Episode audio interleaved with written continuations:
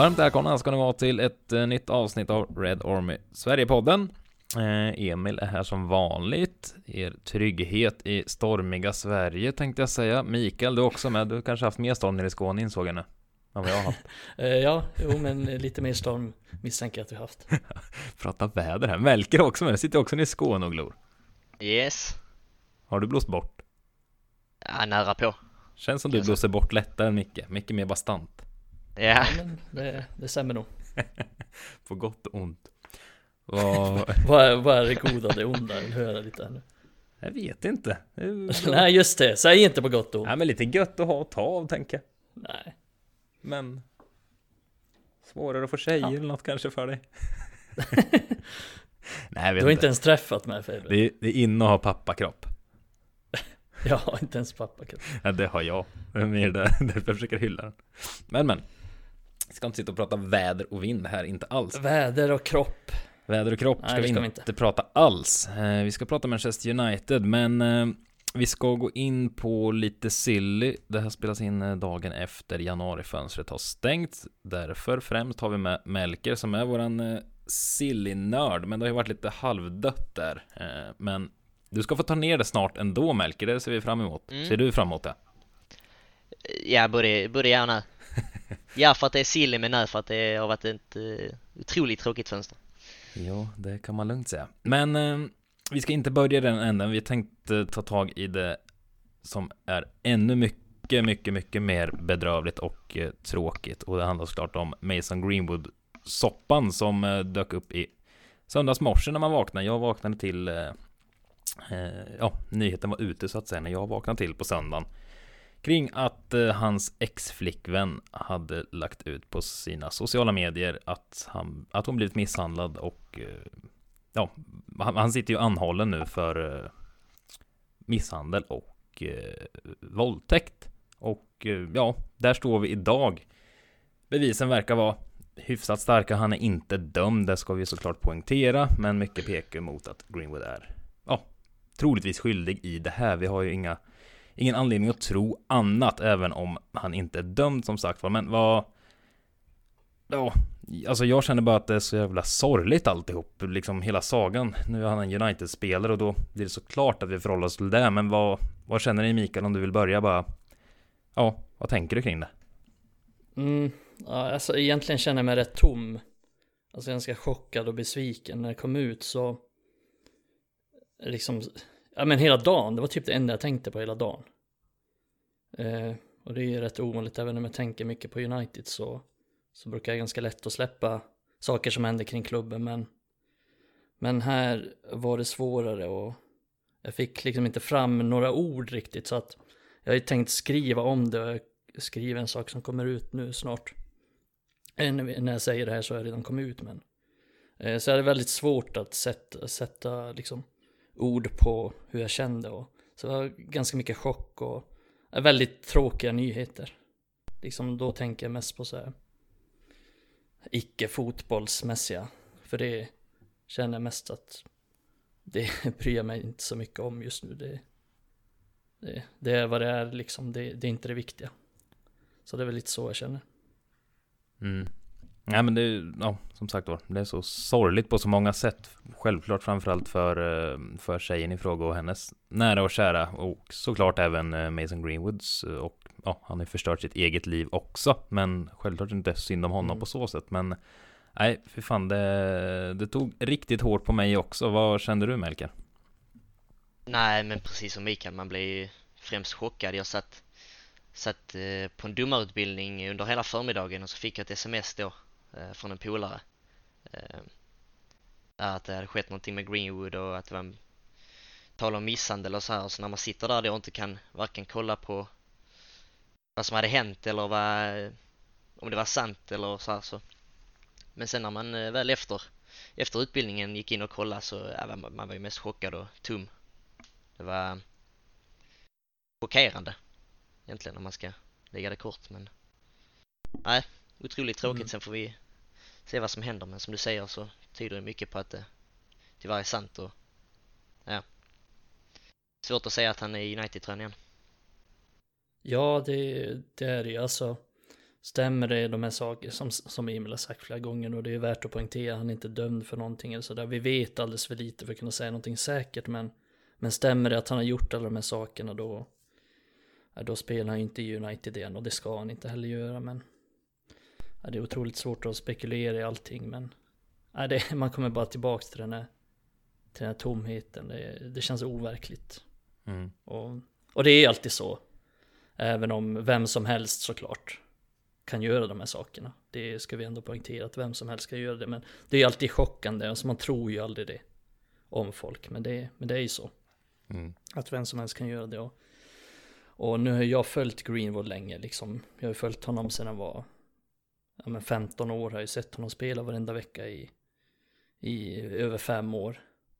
Så det känns som att man har en relation till honom på något sätt. Men man kommer ju aldrig riktigt nära människan Greenwood då.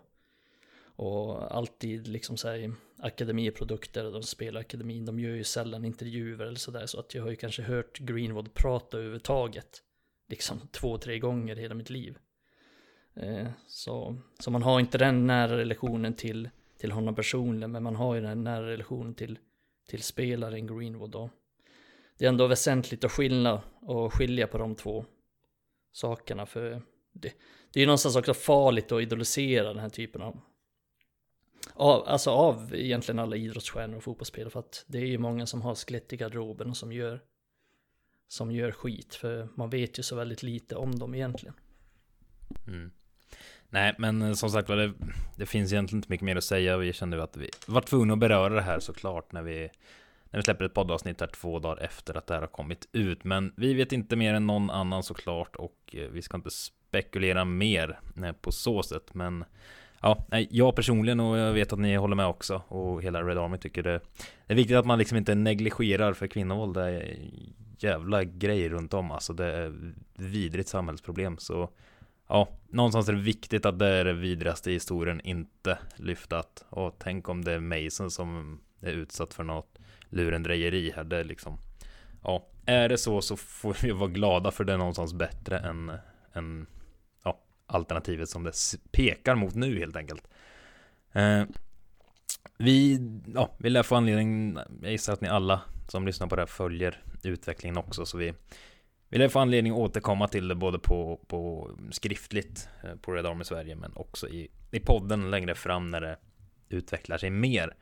Eh, men om vi ska ligga kvar lite, inte prata om själva fallet, men hur tror ni att det här påverkar truppen? Alltså det är ändå det är en lagkamrat, men det är ju en, alltså jag som själv spelat fotboll i alla år, alltså det är ju nära vänner. Eh, några av mina närmsta vänner kommer från från ja, mina tidigare fotbollslag. Alltså hur tror ni det påverkar det? Kommer, ja, går det att gå ut på fredag och spela match som om ingenting har hänt tror ni?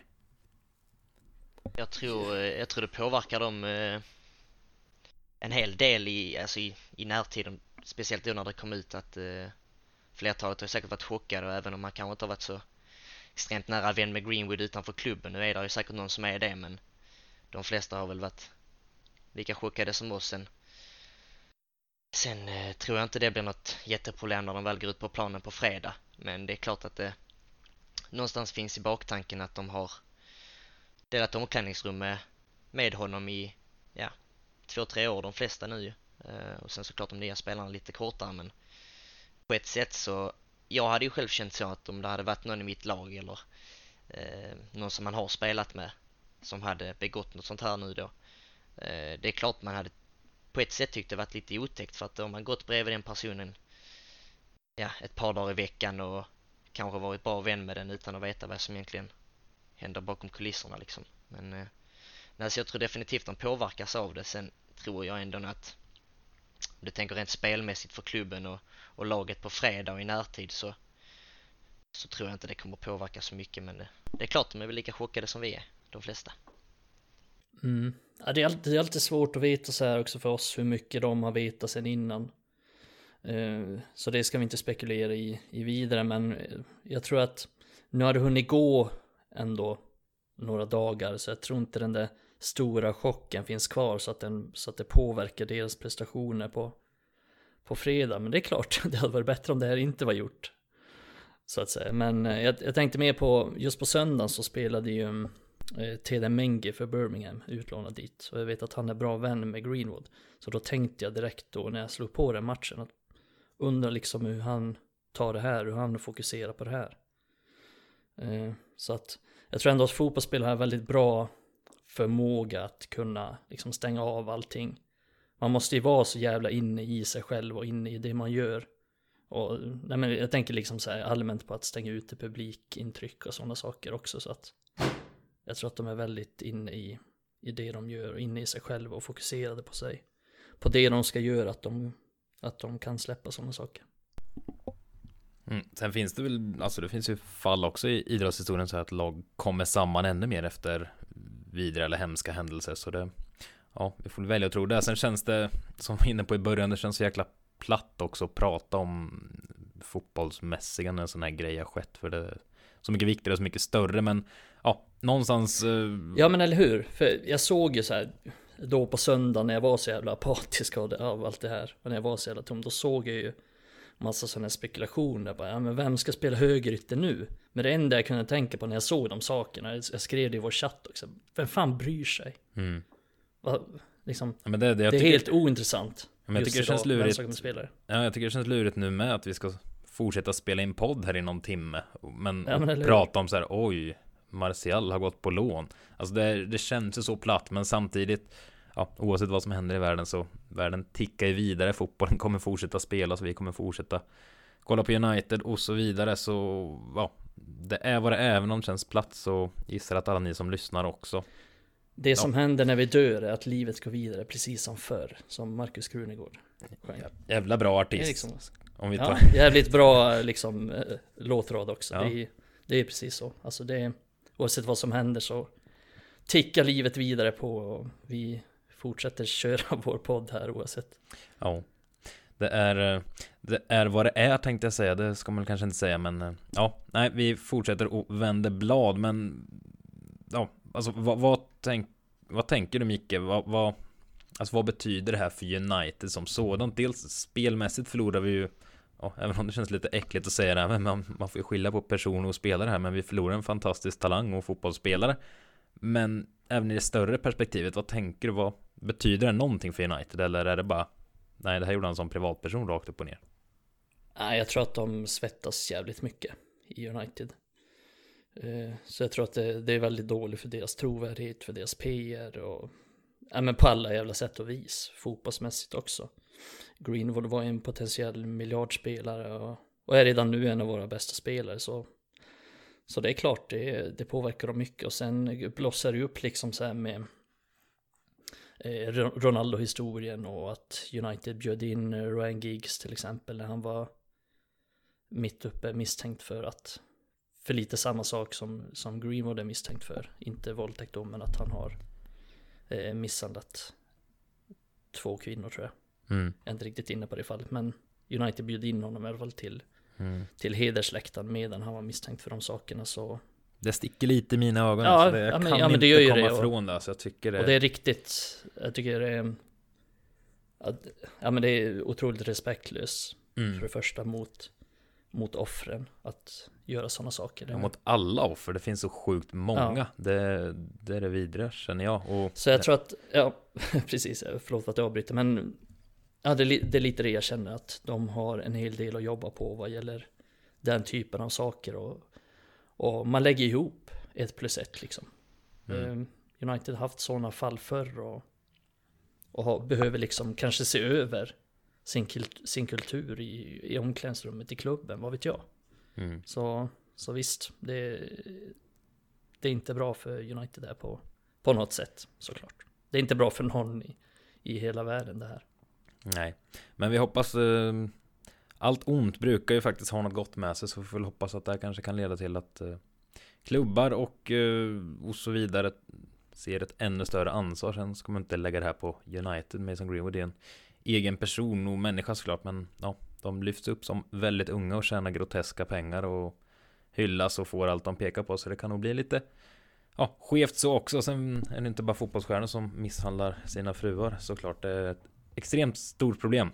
Och, eh, 95% män eller någon som lyssnar på den här podden så vi kan väl alla se oss i spegeln och tänka ett varv till i våra liv. Eh, och eh, ja, göra så sånt här minskas i världen överlag framöver.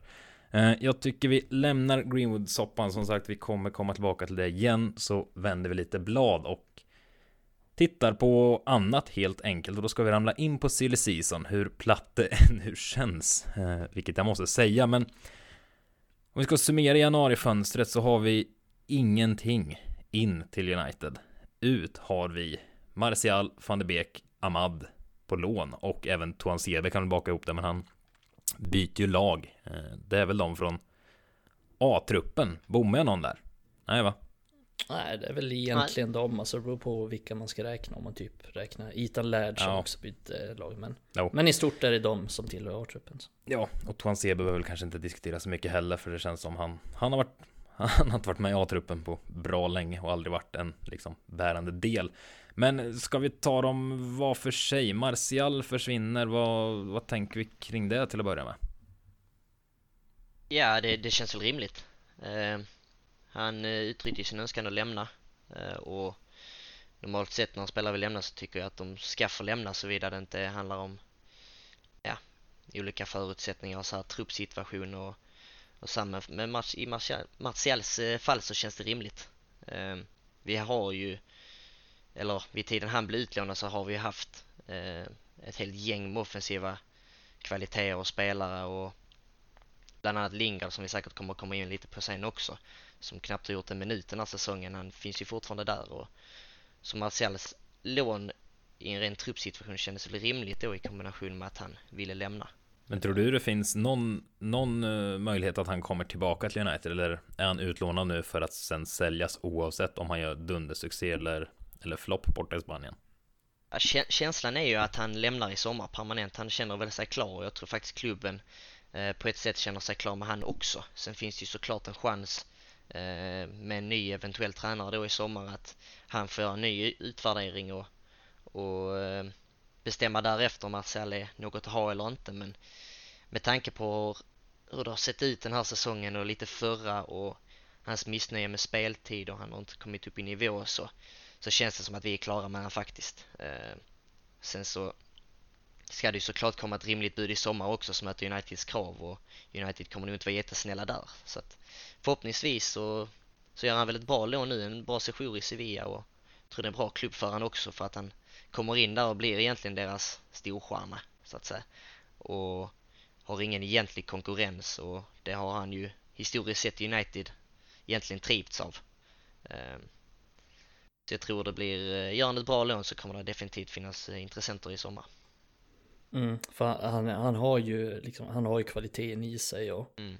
det är ju bara det att han kanske inte riktigt har den här mentaliteten att kriga för sin plats i United. Men jag tror, jag tror precis som du Melke att han, han kommer göra bra ifrån sig i Sevilla och sen får vi ju, det är ändå värt att betona att de ligger två i La Liga och har en helt okej okay chans att vinna titeln också så att gör han bra ifrån sig där så kommer han ju definitivt få klubbar efter sig. Men jag tycker också att det, det är rätt att låna ut honom och, och det är ju det alla ville hela tiden liksom. Det är ju bara det folk har tjatat om hela säsongen att vi måste göra oss av med Martial, vi måste göra oss av med honom. Men trist och, att det blev så Och nu har United blev. gjort det. Jag tycker också det är rätt, mm. men det är så trist vad det blivit om Martial alltså. Minns ja. ni hur bra han var? Alltså han kan vara så dominant så det är fruktansvärt. Han kan ju göra slarvsylta av en back alltså. Det, det smärtar ja. lite att se vad det har blivit och att vi nu sitter här och inte sett honom göra en vettig insats på, ja vad är det, två år eller något, jag vet inte, men nej. Förutom, nej. In, förutom inhoppet mot Western. Okej då, men vad var det? Tio minuter, en kvart? ja men det säger ändå någonting om Marcial, alltså, han kan ju göra skillnad fortfarande, även om han Jag tycker inte heller att han ska vara kvar i United och Jag tror aldrig att han kommer komma upp i någon, den nivån som han visade då, den säsongen när han, när han gjorde så mycket mål, men Han kan fortfarande förändra matchbilden men det är inte liksom värt att ha kvar honom för han är ju missnöjd och har en hög lön och jag tror att gör han bra ifrån sig så kommer United få en hyfsad summa för honom också. Mm, ja, det, var ju, det är ju lite så som du säger Emil. Det är, det är tradigt för att man, förväntningarna har ju varit så stora på honom. Speciellt, eh, ja både ända sedan han kom egentligen för man vet ju vilken kvalitet han har, man vet vilken talang han har. Sen, sen är det lite med den där mentaliteten att han inte, det görs ju inte tillräckligt för att han ska kunna utnyttja det på bästa sätt. Så Samtidigt som man förstår att det är, det är liksom tid att eh, tid för honom att lämna eh, så blir man ju lite, ja det är tråkigt. att det blev som det blev men ja, det är väl hög tid ändå. Martial startar Frankrikes VM-premiär i Qatar. Vad får jag för odds? Nej, de är höga. De är det ändå? Får, eh, ja, Tänk en dundersuccé i Sevilla, blir värvad dit permanent, Ja. fortsätter succén i höst. Ja. ja, chansen finns ju men... eh, De har ingen dålig trupp i övrigt i och för sig. Nej. Men eh, ja, nej, det ska ändå bli kul att följa Martial på lite mer avstånd nu. Men eh, ja, vi får se. Jag önskar honom såklart all lycka till. Han har ändå gjort en hel del för klubben. Eh, trots allt. Eh, Donny van de Beek kommer det finns att diskutera kring honom. Det gör allt och alla. Eh, framförallt i vårt kommentarsfält tänkte jag säga. Det väldigt ofta det är diskussioner kring Donny och eh, många olika åsikter, men de flesta är av åsikten att han inte riktigt fått chansen i United och det kan man väl inte slå undan heller, även om jag är lite av åsikten att han har ju faktiskt inte tagit chansen när han väl spelat heller. Men ja, vad fan ska man säga? Vad, kommer han tillbaka om han gör succé eh, hos Everton eller är han också bränd i United? Lite svårt att, svårt att säga om tycker jag. Ja, nej jag tror, eh, jag tror definitivt han kommer få chansen om han gör en, en bra vår i Everton. Eh, Det tror jag definitivt och det är ju lite, nu snackas det ju, ska vi inte spekulera för mycket om det heller då det fortfarande bara är spekulationer. Eh, Men om vi säger att Ten Hag kommer in till sommaren till exempel som har ja, både tagit upp han i A-laget i Ajax och sedan använt honom i en Champions League semifinal, han var nyckelspelare där så så chansen finns absolut att han kommer tillbaka och gör det bra i United tror jag. Eller bra och bra, men att han får chansen i alla fall. Mm. Ehm, och jag tror är lite är väl lite därför som United inte har velat eh, ha med någon köpoption i lånet heller. För att man vill ha vill ha chansen att om han nu blommar ut och kommer i form i Everton och gör en bra vår så, så har man ju chansen att, att liksom integrera honom i truppen till, till nästa säsong. Ja, men jag tror också det att det beror på mycket vem som, vem som är tränare i United. Och skulle Ten Hag komma in så har ju Donny en given plats i truppen. Eh, men kanske inte lika given om Pochettino kommer in. Vad vet jag, det är bara spekulationer men jag tror att, jag tror också som Melke att det är, det är därför man inte vill ha köpa Poon också för att man har inte riktigt gjort klart med en tränare än och vet inte riktigt hur Donny kommer passa in under nästa tränare och sådär.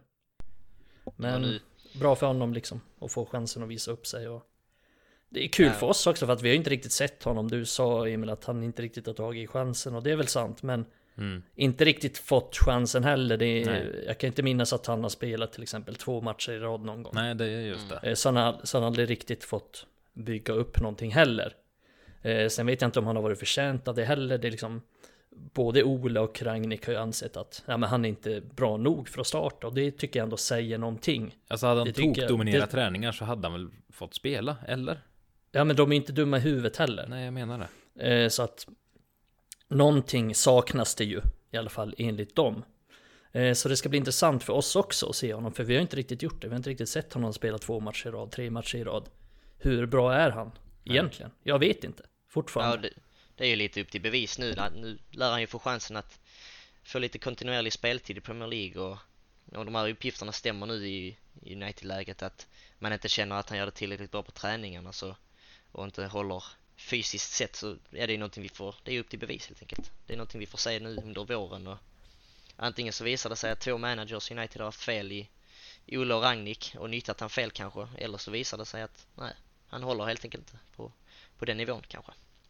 Nej. Är den mest intressanta utlåningen Jag vet inte, jag kan inte komma på någon United-spelare som varit utlånad som jag tycker ska bli mer intressant att följa De här unga grabbarna, till exempel Ahmad som vi ska prata om snart Intressant att följa såklart och se hur de utvecklar sig och presterar och, och kan den här unga killen ta plats Men Van de Beek, det är en annan hylla liksom Han ska, borde varit etablerad nu för de pengarna vi värvade honom för och han var inte purungen då Ja, och just att han går på lån till en annan Premier League-klubb där han troligtvis kommer få en stor roll. Det, alltså, Ahmad i all ära, men jag brukar inte sitta och kolla på skotska ligan. Det ska jag väl säga, men Premier League ser jag de flesta matcherna i, så Nej, jag tycker det ska bli väldigt, väldigt intressant att se och jag har absolut ingen aning om jag lutar mot att han kommer göra succé i Everton eller om han kommer fortsätta floppa. Men eh, ja, återstår att se. Väldigt spännande. Everton som plockar in Dele Alli också, så de har nytt offensivt mittfält i, eh, i blåa delen av Liverpool kan vi, kan vi lugnt konstatera. Ska också bli intressant att se. Inte för att han har något med United att göra, men eh, också en karriär som gått i stå. Jag vet inte riktigt hur intressant det är. Vad sa du? Jag vet inte riktigt hur intressant det ska bli att se det. Dele Alli eller van der Beek menar du? Ja, nej, det är mer intressant än Dele Alli. jag tycker faktiskt det ska bli kul att se det här bara som fotbollsmänniska. Jag tycker det ska bli lite intressant att se om han är tvärslut eller inte. Det märker vi. Mm. Ahmad var inne på precis. Han har vandrat över till Skottland och Eh, Rangers. Vad, vad tänker du Melken när eh, Rangers dök upp till att börja med? Jag tyckte det kändes lite otippat. Skotska ligan är lite så här, eh, men ja, Rangers har ändå ett ganska fint lag. Men vad känner du? Mm, nej men eh, otippat som du säger. Eh, tankar kring lånen, lånet generellt är väl att eh, det känns som en bra flytt.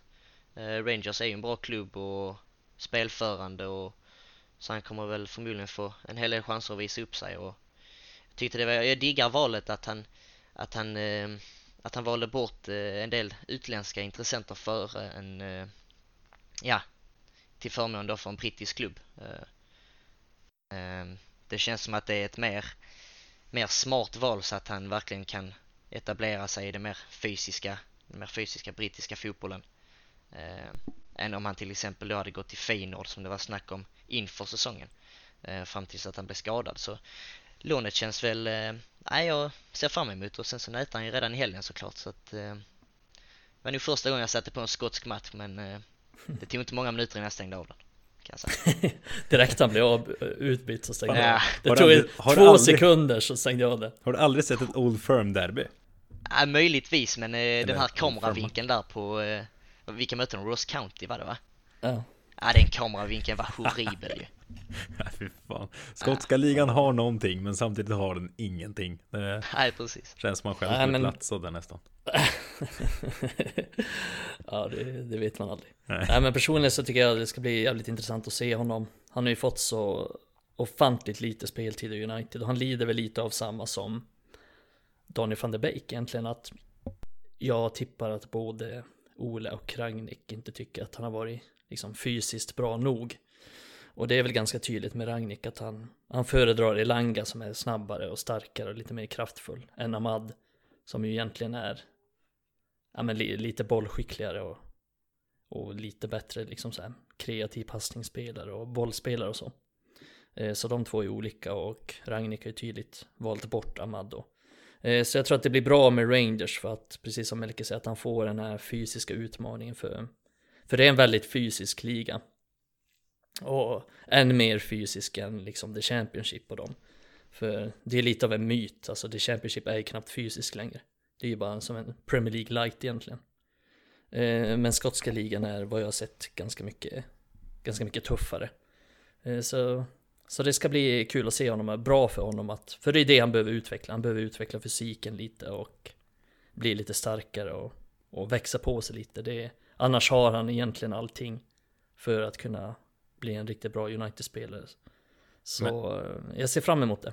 Men Ahmad kan vi väl vara helt hundra säkra på ändå att uh, han ramlade tillbaka till United uh, efter våren här, eller? Ja, alltså om inte det kom in något så här jättestort bud på honom eller så, vilket man inte ska utesluta att det skulle kunna komma. Eh, så, så, blir han ju, så blir han ju kvar. Men även där tror jag att det beror mycket på vem som blir nästa tränare. Men min förhoppning är ju att nästa tränare kommer satsa på honom. För att så, så bra är han. Mm. Um, nog om de som har gått på lån. Vi har ju inte gjort någon försäljning så heller, rent konkret. Uh, sen var det ett gäng spelare som uh, det har ryktats om. Uh, oh, alla tre händer har ju ryktats om länge och väl. Henderson, Jones och Lingard som ja, alla ryktades eh, starkt eller mindre starkt gå på lån, men ingen av dem gick på lån. Ska vi ändå ta dem var för sig också kanske? Jag känner för att hålla lite ordning på det här.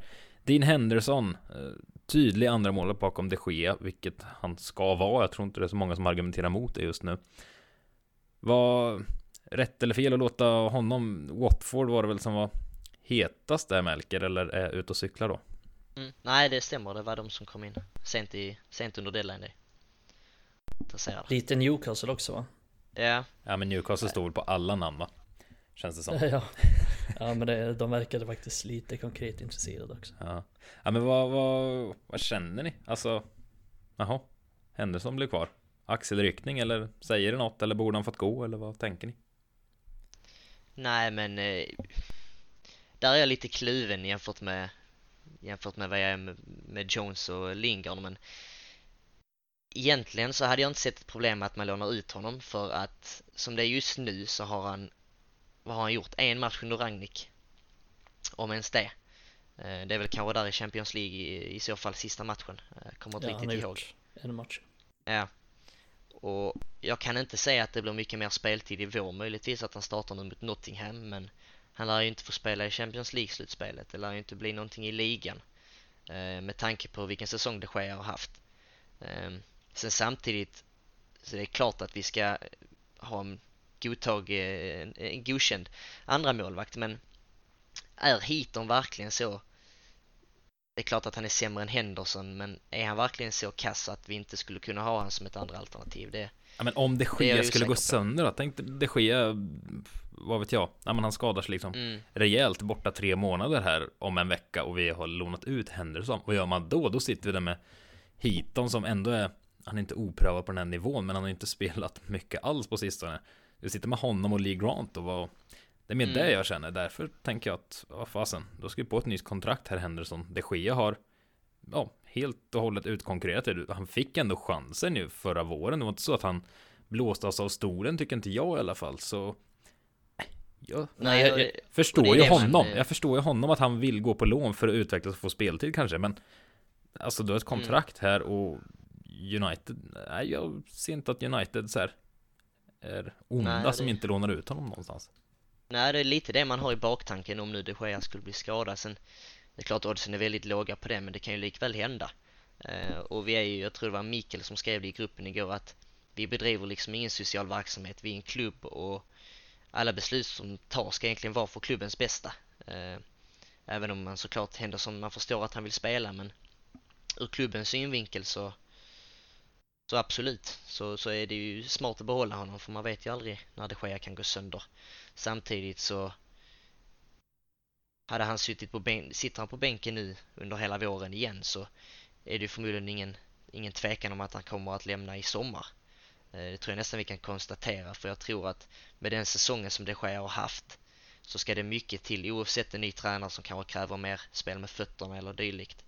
Så tror jag det är mycket som ska krävas för att de Gea ska, eller för att Henderson ska peta de Gea. Eh, men, och, och, och ja, och lånar man inte ut honom då, nej då har han suttit på bänken en hel säsong och då förlorar kanske United på det sättet att hans marknadsvärde går ner och, eh, och så här. Men det är klart, klubbens situation ska alltid gå först. Man förstår ju valet av United. Eh, men sen, ja, jag är lite kluven. jag tror att det är liksom, att där har vi svaret. United, hade någon kunnat garantera att de Gea är skadefri hela säsongen, ja, då hade de förmodligen lånat ut honom. Men man kan ju inte riktigt garantera det och det tror jag är Uniteds farhåga här att skulle de Gea bli skadad, ja då är Heaton ett ganska osäkert kort ändå får man säga. För han har inte spelat så mycket de senaste säsongerna. Han börjar bli till åren, man vet inte riktigt vilken klass han håller fortfarande. Kan man sätta in honom så att United går vidare i Champions League, ska spela kvartsfinal i Champions League? Kan man lita på att Heaton liksom håller United kvar i en sån match? Ja, det kan man inte riktigt. Så jag tror att det är ur den synvinkeln United tänker. Och de har, alltså om vi tänker på så här för och nackdelar.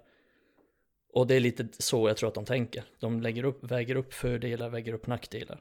Jag tror inte, jag tror att fördelarna med att ta kvar honom väger tyngre än att än att låna ut honom helt enkelt. Och så jag, jag tror inte det United har så mycket att vinna på att låna ut honom helt enkelt. Det är väl att man slipper hans lön liksom i några månader, men så farligt är det ju inte. Och kanske som du också var inne på Melke, vilket jag tycker är en bra poäng, att hans marknadsvärde kanske sjunker, sjunker, sjunker lite. Men jag tror ändå att han har ett ganska högt marknadsvärde så. Så, nej jag tycker, ja men det är rätt beslut, ty, tycker jag, att ta kvar honom. Mm.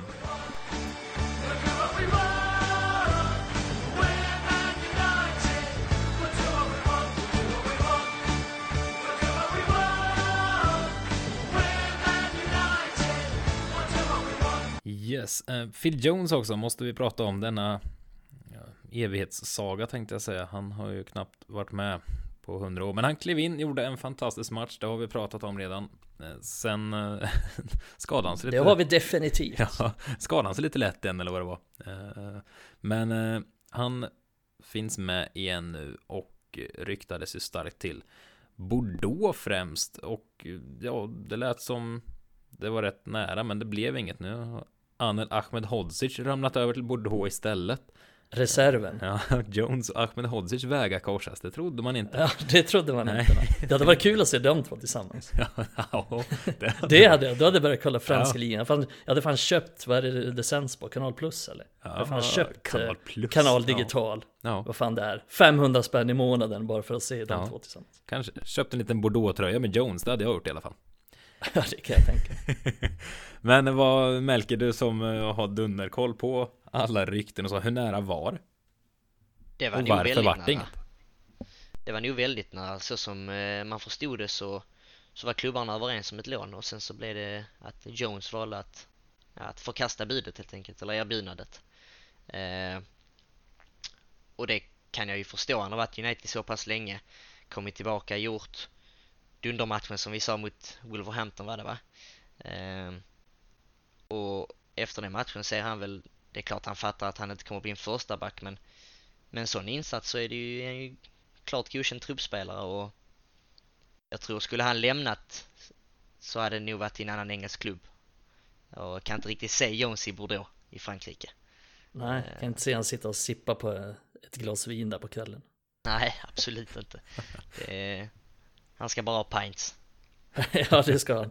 Men eh, en annan eh, sak som jag läste också från ganska trovärdiga källor är väl att han, eh, han ville väl bli lovad en startplats, liksom. Att han ska få mycket spel, han ska vara snudd på given.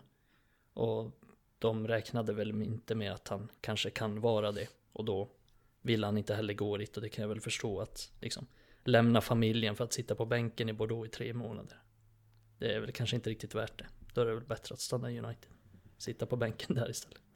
ja.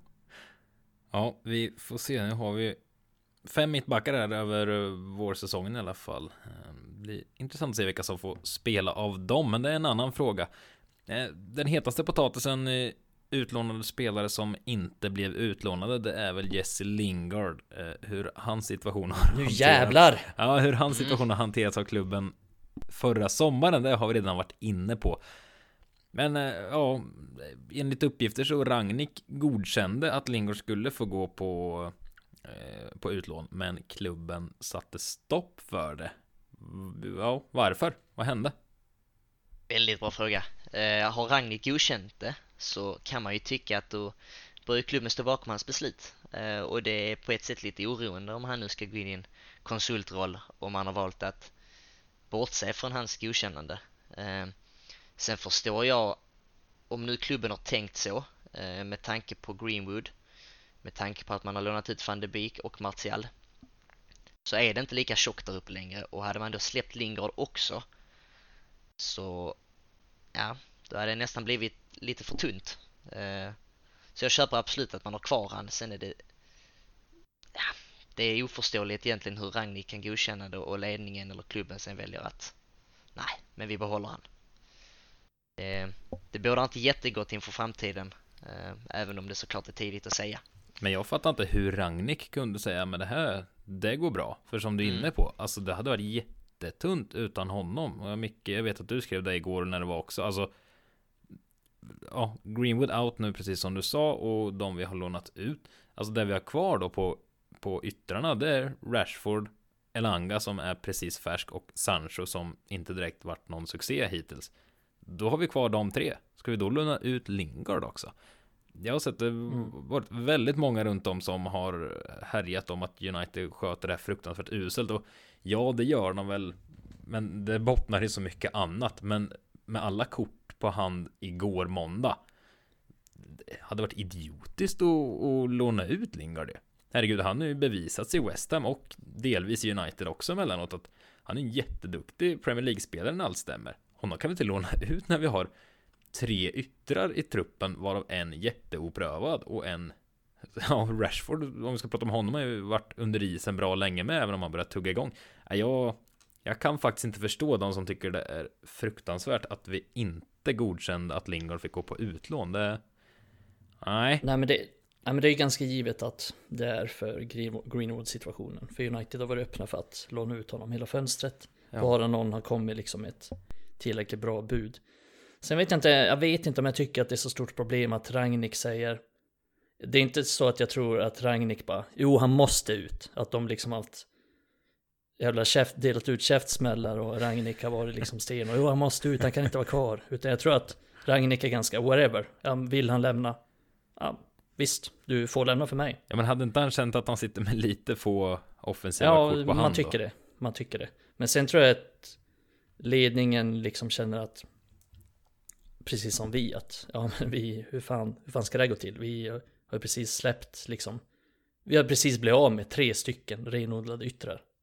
Vi har liksom inte råd att släppa en fjärde som dessutom kan vara en som kan vara en, en ersättare för Bruno Fernandes också. Och där har vi ju precis släppt ersättaren för honom också i Donny van de Beek. Så han kan ju ändå fylla i, fylla i flera positioner där också. Så jag ser det som ganska, ganska viktigt att han blir kvar faktiskt. Och jag tycker att han har varit, när han väl har spelat, så har han ändå, han har ändå bidragit.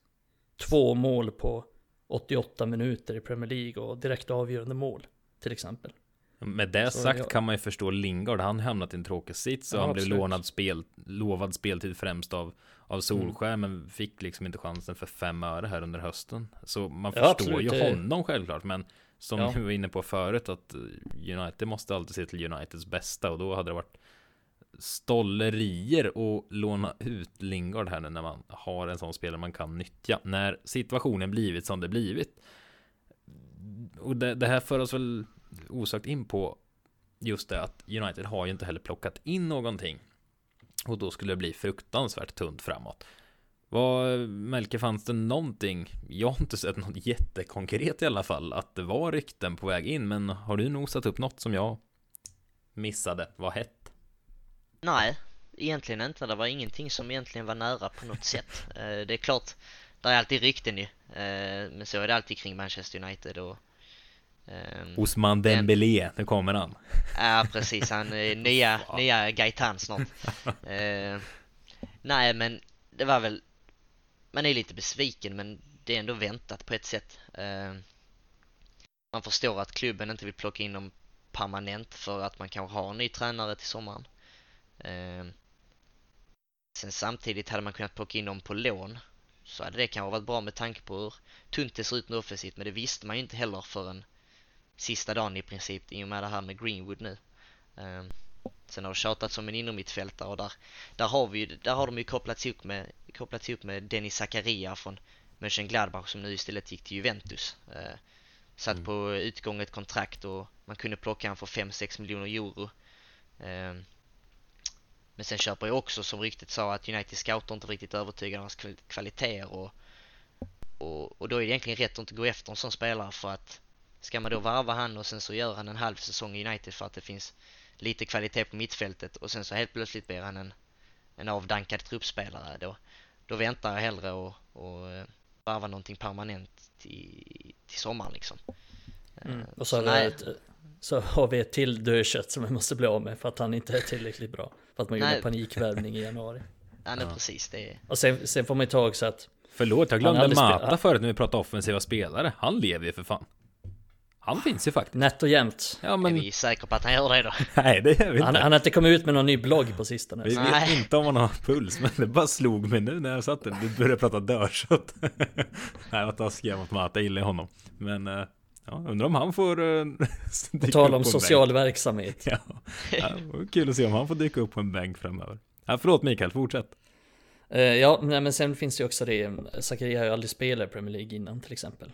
Och vi vet ju av erfarenhet att ganska många spelare har ganska svårt att komma in i Premier Leagues tempo på en gång. Så att ska han komma in liksom i United och spela avgörande matcher nu under våren, det är inte så jävla enkelt och inte alls säkert att han skulle göra det bättre än vad Fred och McTominay gör till exempel. Så, så det är väl så United resonerar och det tycker jag väl är ganska klokt att kommer inte in någonting givet som man kan värva. Det är klart, blir Mbappé tillgänglig för 5 miljoner, det är klart man köper honom. Men det är ju väldigt sällan, sällan klubbar vill sälja sina bästa spelare också i januari och klubbars bästa spelare, det är det United ska vara ute efter. Inga mellanmjölkspelare, det har vi nog med. Mm. Ja, och det är det. Tanken, anledningen till att man är lite besviken det är ju för att man vet att topp 4-racet lever. Uh, nu sitter vi helt plötsligt med en tunnare trupp än vad vi gjorde i början av januarifönstret även om inga direkt nyckelspelare lämnat men det har ju fortfarande varit truppspelare som som man vet på sin höjd kan göra något. Uh, nu sitter vi här med, inte för jag tror Zakaria hade gjort det bättre än uh, McTominay och Fred, det, det tror jag ärligt inte. Men många, många i supporterbasen, oavsett vilket namn som slängs ut så känns det som att de vill ha spelaren just för att det, kanske för att det är något nytt eh, jämfört Nytt med det man bättre. har. Och sen hade det gått ett Alltid. halvår och sen så hade han blivit, blivit satt i samma sits som Fred eller McTominay liksom det. Sen ska han ut. Mm. Ja, precis. Ja, det blir att, så. eh, Nej, men det är som du säger, jag, jag håller med dig fullständigt där. Det, det finns ingen poäng att varva in någon överhuvudtaget som man inte vet kommer kunna påverka på lång sikt. Eh, och det är därför jag känner, nu blir det ju, ja, det är därför man känner att skulle man behövt någonting så skulle det varit ett lån och förhoppningsvis då ett rimligt sådant och hade det här lånet då kanske tänkts bli permanent så hade man kunnat baka in en köpoption men att varva någon permanent som man inte känner sig hundra på, nej det finns ingen riktig anledning för det i mitt tycke. Nu Nej. kanske jag sätter det på pottkanten här Melke, men om vi, för jag satt och tänkte nu lite, vem skulle man kunna låna in? Alltså säg en central mittfältare som skulle vara tillgänglig att kunna lånas in till United. Mm, nej där, eh, Det där kan ju inte vara många, i alla fall. Nej, det är inte så många alternativ som jag kan komma på direkt på mittfältet. Där är ju eh, Arthur ser vi som eh, Juve nu och var i Barcelona tidigare. Han, eh, där fanns det ju snack om eh, Arsenal en tid. Eh, sen blev det inte av för att ja, det diffade lite mellan klubbarna i, i lånetid och klausuler och sånt här. Men där är en som är tillgänglig sen. Visst, han hade nog blivit en av våra tekniska mittfältare men passar han verkligen in i det systemet som Rangnick vill spela? Ja, kanske inte och då är det inte rätt val. Nej, och jag känner ju mest att eh, Arthur är- i all ära skulle säkert kunna göra någon nytta, det vet inte jag, men jag känner ju mer att det är en att det ett defensivt ankare vi saknar, en, Mm. en sexa liksom som kan hålla ihop mittfältet. För, för det tänkte jag också på att nu när Ragnik vill spela 4-3-3, då tycker jag inte att mittfältet är lika akut som tidigare. Jag tycker fortfarande att liksom så här, ja men det är klart, United måste värva. Det är liksom direkt transferfönstret öppnar ska United värva en ny mittfältare till sommaren, när en ny tränare är klar alltså. Det tycker jag verkligen, men jag tycker att det har, alltså man, problemet är lite mindre nu med 4-3-3. Man kan ändå spela en Matic och kanske en Fred och en McTominay och få lite mer backning och Pogba kommer tillbaks. Det blir lite mer trygghet på mittfältet jämfört med om man bara har två där. Eh, Så jag säger att Pogba ger oss lite fler alternativ där och så jag tror ändå att det, Hannibal också jag ser ändå med tillförsikt. Vad sa du? Hannibal måste vi nästan nämna också. Får inte du missa. Han ska väl in och gröta i truppen här nu också efter Afrikanska mästerskapen, tänker jag. Ja, och jag tror ju att Jag tror ju att det kan vara en anledning också att man Att United släpper typ Donny van de Beek för att Hannibal, Hannibal kan gå direkt in i ett 4-3-3 och göra ett bra jobb, det är jag tämligen övertygad om. Och han kan ju spela lite överallt på mittfältet också. Mm. Eh, sen tror jag att han, det är ju samma problem där att han fungerar ju bäst som en nummer åtta, en box-to-box player. Men det gör ju Fred också, förmodligen McTominay också, och Bruno också, och Pogba också. Så vi har ju nästan bara den typen av spelare, men men han ger ju oss i alla fall mer bredd där och, och fler alternativ och, och det är ju bra för det är en spelare som både jag och United tror väldigt mycket på inför i framtiden. Ja, och då kanske många tänker att han är oprövad, men Ragnik har ändå visat att han vågar. Ser han något vast i en ung tupp så ger han den chansen. Det har vi ju sett på Elanga. Han fick ju inte chansen alls tänkte jag säga under Ole. I princip inte i alla fall, men sen Ragnik har sett något där och då lyfter han upp honom och rap av rapporterna att döma verkar ju Ragnik uppskatta Hannibal med det. Ja, det lilla vi sett nu har han varit på landslagsläger typ hela tiden sen Ragnik kom in och eh, spelat Afrikanska mästerskapen här nu. Men eh, ja, det är en spelare som man Han ville ju, han ville ju värva Hannibal när han var i Mm. eh, Leipzig. Ja, men det är en spelare man kanske glömmer bort när man pratar om, om Uniteds trupp För han har knappt varit med i matchtrupper förr liksom Så det är också en grej Men Ja, jag är lite tudelad alltså Jag tycker ju som ni har varit inne på också när jag har suttit och lyssnat här nu att United bygger något nytt för sommaren Det ska troligtvis in en ny tränare Det är fel att bara panikvärva Men samtidigt är det av högsta vikt att vi Alltså vi behöver ta den här topp 4 positionen Kommer vi kunna göra det med det här mittfältet? Hade vi behövt vassare bredd? Jag vet inte, jag har inte svar på det Men nej, jag landar som nia så att det Det är inget att göra panikvärvningar utan jag tror, tror det var klokt det här det, det känns bra att United gör något klokt och det här känns som det kloka valet Eh, Sen kan det vara en liten semichansning men Nej, det Men det är lite damned if you do, damned if you don't kring United. Ja, Så det är verkligen ju sådana tider nu där oavsett vad de skulle göra så skulle alla säga att mm. det är helt fel och att de är dumma i huvudet och inte gör någonting och gör allting fel. Nej, men som ni varit inne det- på, om vi, om vi hade plockat in någon, det hade inte varit minsta lilla garanti om vi liksom inte, ja, Mbappé hade dykt upp som sagt va, men det, det hände ju inte såklart. Så det, nej, eh, tycker inte det. Men vad, vad tror ni till sommaren då? Kommer, kommer Glazers finnas där? Kommer, kom, alltså kommer det hända grejer eller sitter vi med falska förhoppningar här nu? Vi fick också en fråga från Twitter kring det, från eh, Viktor Kåsson. Eh, vi tycker för övrigt det är jättekul när ni skriver spontana frågor till oss och de bakar vi in här ibland även om vi inte har frågestund. Men eh, Viktor Kåsson skrev där, har Glazers kastat in handduken för gott på det sportsliga planet tror ni? Känns som att det finns noll ambitioner att tävla med de bästa. Sen vet jag inte om han eh, Aha.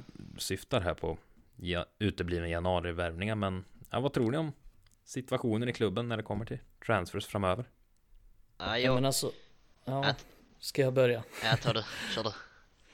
Ja, här finns ju ganska mycket att säga för jag är inte riktigt hundra med på vad han menar så jag kan ju väl dra en rant om någonting helt annat. Men jag tror ju såklart att Glazer vill vinna. Men jag tror inte till vilket pris som helst. Liksom. Jag tror inte att de dör med det. Um, så om man tänker på silly season så verkar det som att United har planerat sen ganska tidigt i januari att man inte kommer köpa något om inte något specifikt dyker upp. Men det är, alltså så här, Glazer i allmänhet, det är ju, alltså Glazer har inte så mycket med själva sportsliga ledningen att göra just nu, förutom att det är de som har anställt folk och godkänner liksom värvningar och sådär i sista. De måste ge ett godkännande, men de sitter ju inte och scoutar spelare eller sitter och bedömer om den spelaren är bra nog eller om den spelaren är för dålig eller sådär. Eh, och så, så det är inte riktigt deras bord, det är ju snarare så att Ed Woodward gjort, Ed Woodward som gjorde sin sista dag i, igår. Var det väl? Eller idag kanske. Ska vi lägga in en liten applåd här eller ett litet burop? Jarro! Fan! Du behöver inte överdriva Adam. Tar Jarro! en applåd. Jag får se, får han klippare. Kristoffer, klippare Kristoffer kanske får fria tyglar här. Eller så Ja. ska han inte få någonting för det ska bara Så sånt här är bara roligt. Flytt på Det det. blir tystnad bara. Ja. Klipp bort vad vi säger överhuvudtaget. Helt tyst. Nej men Woodward gjorde ju ett alltså, rent sportsligt jävligt dåligt jobb och han var ju i allmänhet arrogant och hade ingen självinsikt nog att inse att liksom, det här är inte hans bord för han var ju inne och peta i allt möjligt vad gäller fotbollen. Så nu har vi ju ändå nya gubbar som, har, som får mandat att ta lite större beslut, till exempel eh, Richard, Arnold, Richard Arnold som är ersättaren då, han har ju insett liksom att nej, men han kan inte fotboll. Så han överlämnar ju det till John Murtagh och Darren Fletcher. Som kan fotboll, som har erfarenhet från fotboll och har jobbat och varit nej, liksom involverade länge i fotbollen. Nu vet vi inte exakt vad Ragnik kommer göra framöver, men han kommer ju garanterat vara involverad där på ett hörn som den konsult han är. Speciellt eftersom Murtagh gillar honom mycket och, och faktiskt var den som tog in Ragnik till United. Vilket ju var Mörtags egentligen första beslut i klubben. Som han själv tog så att säga. Där han hade mandat att göra det. Så jag tycker väl ändå att vi ska ge de nya gubbarna chansen att visa upp sig. Det är ju allt för många som på som vi var inne på nyss, som på ren slentrian bara slår ner det. Ja men allt är kast, ingenting kommer ändras. Ja det kanske inte blir bra. Men det kanske också blir bra. Vem vet, alltså jag tycker att ändå man ska ge dem chansen att visa sig. Du, innan man skriker att allt är dåligt liksom. men tror du Glazers kommer eventuellt stå i vägen eller kommer de få de medel som behövs för att värva in det som behövs så att säga?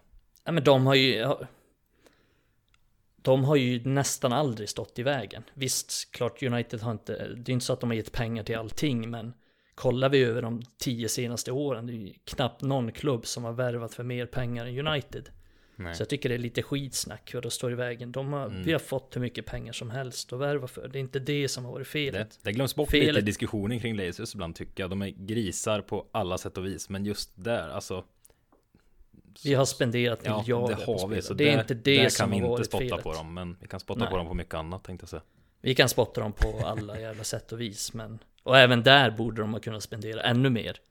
Eh, Det borde de, för att United har haft de medel att kunna göra det, men det har ändå varit tillräckligt med pengar för att United ska kunna liksom ha vunnit ligatitlar med de pengarna som man har haft tillgängliga, men det har satsat, det, är liksom, det, har inte, det har vi varit inne på så många gånger, det har inte funnits någon röd tråd, det har inte funnits någon tydlig idé om vad man ska göra. Och Solskjaer hade sina egna scouter som kom in och nej, men jag tycker vi ska ha den spelaren. Och Mourinho hade sina egna scouter och Van Schaal hade sina egna. Så att jag tycker strukturen som finns just nu och som har kommit in just nu i klubben är mycket bättre än tidigare. Sen säger inte jag, sen kan inte jag sitta här och lova att det blir guld och gröna skogar, att det kommer bli hur bra som helst. Men strukturen just nu är bättre. Jag tror att det kommer se bättre ut framöver. Och, och det, liksom, det känns lite hoppfullt att vi har lite mer fotbollsfolk som, som bestämmer nu, som får mandat att, att göra saker. Det har vi inte riktigt haft tidigare med Ed Woodward. End of rant. Good, great rant bro. Vet inte varför det hamnar på engelska. Eh, vad, vad, jag tänker vi ska inte ramla in och diskutera framöver sommarens specifika spel och så vi vill ha in för det blir bara spekulationer och det känns som man man ska landa en tränare först som man vill ha så tar vi det därifrån är eh, Eh, mina tankar och min, mina känslor i alla fall kring det. Sen vet alla vilka positioner vi främst behöver förstärka. Men det tar vi då. Hur känner ni nu om vi, om vi kikar framåt här nu? Nu har vi det är Middlesbrough på fredag i FA-cupen. Sen tisdag nästa vecka har vi Burnley i ligan och eh, framåt helgen är det Southampton i ligan.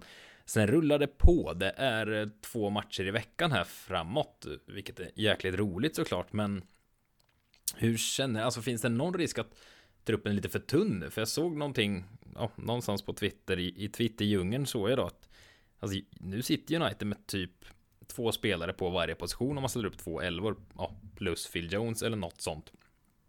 Eh, och plus Juan Mata tror jag också. eh, men eh, känner ni att det finns någon risk att det är för tunt? Vi är trots allt kvar i FA-cupen, Champions League och ska slåss med näbbar och klor för att komma topp fyra.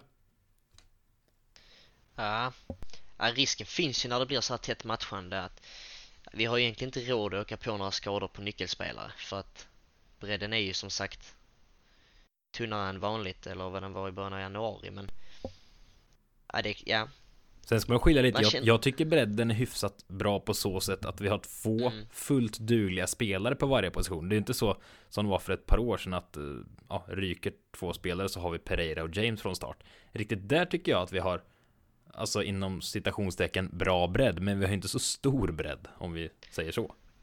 nej precis och det är lite det man känner det, och det, det räcker ju mot förmodan, säg att vi åker på två olyckliga skador på yttrarna, säg att Rashford och Elanga skadar sig, ja men då, då står vi där med Sancho och möjligtvis Lingard som kan spela till vänster två matcher i veckan då i kanske en, ja, en månad framåt ungefär. Ja, det, det är ju på gränsen till för tunt verkligen. Um, så att i och med att du säger att vi har så bredden är ändå helt okej. eh, även om vi bara har två spelare på kanske varje position. Och därför borde vi ändå känna oss trygga med att vi, vi kan rotera lite här och var. Eh, det borde vi kunna för att det är inte hållbart att, att ligga runt med samma elva i en hel månad. Och jag vet inte hur många matcher det är i februari men det är väl säkert upp mot en 7-8. Eh, sen så tänker vi ren rotation så tycker jag inte vi ska rotera så mycket mot Middlesbrough på fredag. Utan det får väl ske när det väl behövs för att FA-cupen är ju fortfarande typ det enda vi realistiskt kan vinna och vi behöver ju en titel och spelarna har fått vila i två veckor så att Men nej, rotation över den närmsta månaden tror jag kommer vara, vara både välbehövlig och jag tror också att det är någonting som Ragnik inte är rädd för att använda sig av, själva rotationen då. Mm. Jag är av åsikten att United har haft alldeles för stor trupp innan och helt onödigt stor och jag fattade aldrig varför den skulle vara så stor och, och nu ser vi liksom ett resultat av det att under det här fönstret som har varit så har United i princip städat undan den alldeles för stora truppen som Solskär delvis är ansvarig för. Så jag tycker väl inte direkt att den är för tunn. Det är väl om Lingard hade försvunnit då, ja då tycker jag att det hade varit för tunt på ytterplatserna där men men jag tycker att det, det känns helt okej okay nu. Eh, truppen känns bättre balanserad än tidigare och sen har väl Ragnik alltid jobbat lite som van Schaal också gjorde med att flytta upp, flytta upp ungdomar som reserver och mm. eh, så, så jag tycker det känns som vi var inne på tidigare att Hannibal kan komma in på mittfältet där det tror jag inte så många har räknat med så att vi kan ändå fylla på med lite bredd där Mm. Och på mittbacksplatserna känns det bra, på yt ytterbacksplatserna känns det nästan bättre än någonsin. Eftersom han i princip har bytt ut Luke Shaw och Fambisaka och spelar med de två reserverna. Dalot och Telles som båda har visat att ja, men de håller i duglig kvalitet åtminstone för att vara reserver. Mm. Sen... Eh, så där tycker jag inte det finns något problem och inne i mittfältet, ja men det är väl ungefär samma sak som innan och det är väl egentligen de här ytterpositionerna som är som är tunnare nu, men vad ska vi göra åt det liksom? Det är vad det är. Mm. Alltså vi är fortfarande en trupp som ska kunna komma topp fyra oavsett mm. vad, det kan vi inte förneka. Sen... På tal om tunn trupp, det är ju, kolla på Arsenal. Ja, som Nej, men exakt. Konkurrent. De har ju knappt en anfallare i truppen. Liksom. Nej, och typ samma elva jämt. I princip de byter en eller två gubbar max. Men sen tänker jag också United, alltså. Vi pratar om där ifall. Ja men säg om två in i mitt fältare går sönder. Alltså då har vi Pogba som kan spela längre ner som du säger. Vi har Hannibal. Säg om två, tre yttrar går sönder då. Ja, vi har sett Pogba spela på vänsterkant förr. Skulle det krisa rejält så ja, Ronaldo får gå ner och spela någon form av vänsterkant. Alltså, det finns spelare som kan spela. Skulle tre mittbackar gå sönder, liksom Matic kan spela det, McTominay spelar det i landslaget. Jag tror det löser sig. Det är inte, det är inte 60 matcher kvar av säsongen liksom, utan så jag, jag säger som dig Mikael och, och vi pratat om väldigt många gånger framförallt du att eh, det finns ungdomar i truppen som, som är fullt dugliga. Sen är ju en del utlånade åt höger och vänster och hit och dit men nej, det ska inte behöva vara ett problem att truppen är för tunn på så sätt. Jag tycker nog inte det i slutet av dagen ändå. Men äh, jäkligt härligt att jäkligt härligt skulle jag säga att det är så mycket matcher nu framöver. Men vad vad tänker ni då? Vad, hur är eran priolista? Nu vill man att United ska vinna varenda match och gå så långt man kan i allt, men ja, alltså hur hade ni, om ni var tränare, prioriterat här framöver? Hade det varit, ja, om det är omöjligt att liksom spela samma startelva hela, hela tiden varje match, vad hade ni prioriterat mest just nu? I form av turnering så måste det vara Premier League, känner jag.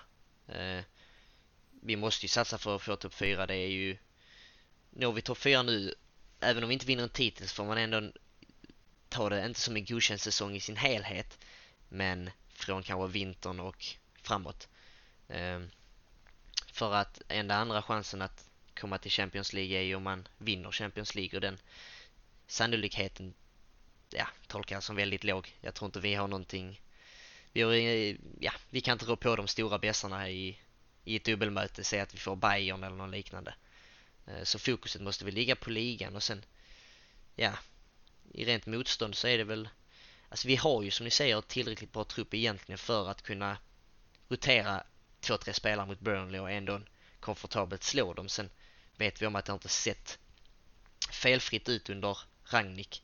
Även de senaste matcherna mot West Ham nu var verkligen var positiv och förhoppningsvis kan vi bygga lite momentum på den insatsen men nej, sett till turneringar så måste ju Premier League gå före i, i mitt tycke. Ja, jag tycker också det är jävligt svårt val måste jag säga för att det är ett tag sedan United har vunnit någon turnering nu och FA-cupen den här säsongen är ju en av de bästa titelchanserna vi, vi har och haft liksom på, på många år så att att inte satsa på den, det vore ju också liksom, han kommer ju få svin mycket kritik om man skulle rotera bort sig och förlora FA-cupen. Och samma, det är liksom United vidare i Champions League och är, skulle jag säga, snudd, ja men, favoriter mot Atletico Madrid, alltså favoriter att ta sig till kvartsfinal. Och tar man sig till kvartsfinal, ja men då, då kommer ju pressen också på att, ja men fan, vi kan ju vinna det här och, och vi ska vinna det här och vi har chansen att vinna det här och, och roterar man bort sig där till exempel, säg att man, ja det skulle han ju aldrig göra såklart i en CL-kvartsfinal, men säg att man har liksom en, man måste välja ett läge där man där man ska komma fyra i ligan och man måste välja mellan det och Champions League. Och då blir det ett svårt val och det rationella i det är ju att ja, men det, det, är vår bästa chans att nå Champions League nästa säsong. Och det är det läget vi är i nu att vi måste rädda den här katastrofsäsongen på något sätt. Och då är då är det viktigast att United kommer fyra i ligan. Och sen är det en en bonus om man kommer långt i Champions League men jag är jävligt sugen på att vinna FA-cupen. Länge sedan United vann något överhuvudtaget och börjar bli ett tag sedan United vann liga, eller FA-cupen också. Det känner jag, ja, men... jag... Ja, kör du Melker. Ja, ja jag, jag vill framförallt ha någonting att trycka upp i huvudet på polarna liksom. Det känns år och dag sedan man eh, varken vann något eller hade någonting kring United att skryta om. Ja men fan jag sitter och håller alltså... på Chelsea-finaler hela tiden. Ja. Det är så här final Chelsea-Liverpool i liga. Jag har stängt av, jag har fan slutat kolla på Champions League-finalen för att mm. det är alltid någon jävla Chelsea mot City eller någonting. Mm. Ja men precis. Fan det... vidrigt är det. Ja. Mm.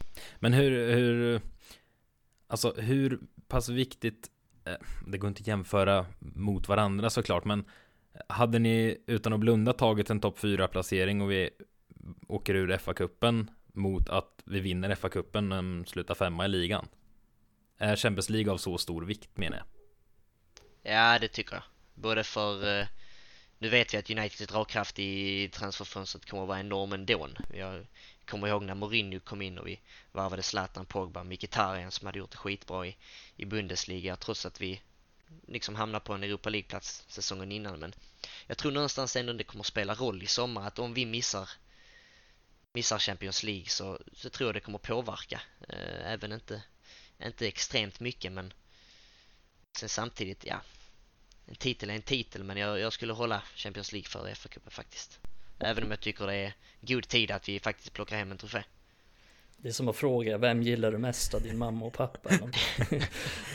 jag vet, men ändå, jag tänkte det var intressant Nej men fan vad jobbigt, nej men jag hade nog valt det är, för, för jag ja. tror det, det, alltså ta en FA-cup det titel, förlåt Mikael för jag avbryter, men, men alltså jag tänker att det jag tror alltså få in en vinst, en trofé och titta på peka på. Jag tror att det kan vara så sjukt mycket viktigare rent, rent mentalt. Någon spärr som kan släppa framöver. Sen fattar jag med det är pengar i Champions League och det är dragkraft och allt möjligt. Men jag tror inte heller man ska mm. underskatta värdet av en fa Cup-titel alltså. Nej, nej, det är en svår fråga. Jag får väl ändå luta mot att jag tycker att jag är ändå jag är ganska positiv inför nästa säsong. Säg att vi får in Ten Hag som tränare, vilket är ganska rimligt att säga. Du kommer hinna sänka blir... dina förväntningar innan, var så säker. ja, det kommer jag säkert göra. Men som jag pratade om uh, nyligen också så är jag lite mer positiv inför den nya ledningen så att säga. Uh, så jag är ändå ganska hoppfull för nästa säsong. Så då tycker jag det är viktigt att United tar sig till Champions League, ger en bra brygga inför nästa säsong. Att man har den man har Champions League nästa säsong, man kan bygga truppen förhoppningsvis i ganska lugn och ro, kan få in de spelarna man förhoppningsvis kollar på redan nu. Och så vidare och så vidare. Så eh, jag lutar nog åt det, men jag är jävligt sugen på, på att vinna en kupp också, så vad fan, varför inte ta dubben i år? FA-cupen och Champions League och sen fyra i... Nej, då behöver vi inte ens komma. Fan, då kan vi bli 16 i ligan. I don't give a fuck. Spela, det, det hade varit Spela U18-laget i Premier League resten. Det, det hade varit coolt eller? Falla som en, ja, eller coolt, det hade varit sorgligt också, men falla som en sten i Premier League, men så vinner man både Se hur långt man kan gå. Se hur långt man kan gå ner utan att åka ur. Ja. Åker ur Premier League, men Sänker Newcastle, sänker Newcastle sista dagen. Så jävla gött. Ja, just det. Nej, vi får se, det blir... Eh, ja, nej, jag, jag säger som dig mycket, jag tycker det... det känner försiktig optimism för framtiden, inte av det jag ser på fotbollsplanen oftast, eh, men Ja, vi har varit inne på det förut i podden också. De här gubbarna som ändå plockats in i sportslig, eh, sportslig ansvarig led så att säga. Och eh, att det ändå finns en ganska bra trupp i grund och botten. Den behöver tunnas ut, eller ja, rensas ut ska jag väl säga, och sen spetsas upp. Men eh, det finns någonting och många unga spelare som känns ganska spännande ändå så. Ja, bara hoppas att, eh, att det landas en tränare som det verkligen känns bra i sommar och sen att det dyker upp två, tre värvningar där man känner att åh vad bra och man rensar ut det dödköttet som finns och nej, det borde kunna finnas en god framtid på Old Trafford men eh, ja, Väldigt spännande i alla fall. Mm. Väldigt spännande framtid. Alltså det, det kommer hända extremt mycket i sommar. Mm. Så det är Ja, spännande tider. försiktigt optimism optimist Ja, och det är jag aldrig. Men samtidigt sitter jag här och känner att äh, jag kommer bli besviken någonstans på vägen och det blir man ju alltid. Så det kan ju inte avsluta positivt här, det går inte. Nej, du måste alltid göra Jag det. lider av något tror jag. Älskar dig Emil. Nej, jag vet inte. Jag måste kanske borde söka för det här. Jag lider av något. Söka för, Men- söka för. Men det är typ bara när det handlar om idrott och mina lag liksom. Då är jag så otroligt eh, Nej, jag satt och skrek handbollsfinalen här i helgen. Jag satt och skrek ända till, alltså, ja, när vi hade straff i slutsekunden. Jag var helt övertygad om att den skulle missas. Det fanns inte på kartan att vi skulle vinna. Det, Kul, jag kan tänka mig att kolla handboll med dig. Då kan jag Nej, tänka mig att ditt lag har förlorat liksom 48 gånger i matchen. Så Mm. säger du det. jag har inte så många För andra det lag är- än Sverige i handboll ska jag väl säga. Nej, det vet jag inte jag. Linköping och HC, fan de heter. Ja, det är hockey det. RP, RP Linköpings lag. Rispringspojkarna. Eh, Men det är inget jag Vänta, följer va? direkt. Ja, det kan du. Säg det igen. Ris, eh, Rispringspojkarna. Men eh, de tog bort det namnet för hundra år sedan och heter bara RP nu för tiden. Uppdatera sin Så lag. det står, så det står liksom inte för någonting Nej, det, längre? nej, det står, det är RP nu för tiden. Ja. De eh, Alright. gjo- gjorde om sitt klubbmärke här, häromsistens och eh, det ser precis ut som Leo Vegas eh, logga, tycker jag. Ni kan, ni som inte vet kan googla RP. Jag fick inget medhåll när jag sa det till en kompis, men eh, jag tycker det. Bedrövligt. Nog om eh, Red Army handboll ska vi inte... Finns, finns handboll i Ska vi England? starta upp? Vi blir som, vad heter han, Toto Balotto. Ja, ja. Fin, finns eh, handboll i England? Manchester United handboll? Ja, det varit coolt. Nej, alltså de var ju med i, alltså när Storbritannien ordnade OS. Men det gick Så- så där eller? Ja, men då fixade de ihop, drog de ihop något handbollslag eftersom arrangören får vara med i Mm. alla sporter sådär. Ja. Eh, Då har jag för mig att det var mest typ såhär, sven, eller ättlingar typ som spelade, i, alltså svenskar som spelade typ i division 2 här. Mm. som var med i deras lag, men de var med, förlorade hyfsat stort varenda match, men Mm. det var inte så att de blev totalt utklassade, utan det var väl Ja. 40-19 liksom. Så det var ju stora siffror, men inget Ja. superöverdrivet. Här, här, är jag vi, här är vi starkare märker jag. Melker har ju somnat redan. Ja, men, men det- snälla. Alltså, Melker är yngre än oss, vi har lite Uh, mer. det Melker var inte ens född när det OSet var. Melker minns Ja, inte Bengan Boys. Det är därför han har Ja, ingenting gör på han. handbollen. Nej men nu, skitkul att Sverige var i final, skitkul att de vann. Men Såg du? fy fan vad tråkigt. Såg du matchen? Jag tycker det är fan Eh, den jag- bästa tv-sporten. Ja, Nej jag satt, jag satt första eh, typ 10 minuter och sen nej jag skiter i detta och sen så gick jag tillbaka sista tre. Däremellan, det, det är ju bara, de bara delar, vet du? Skiftar mål.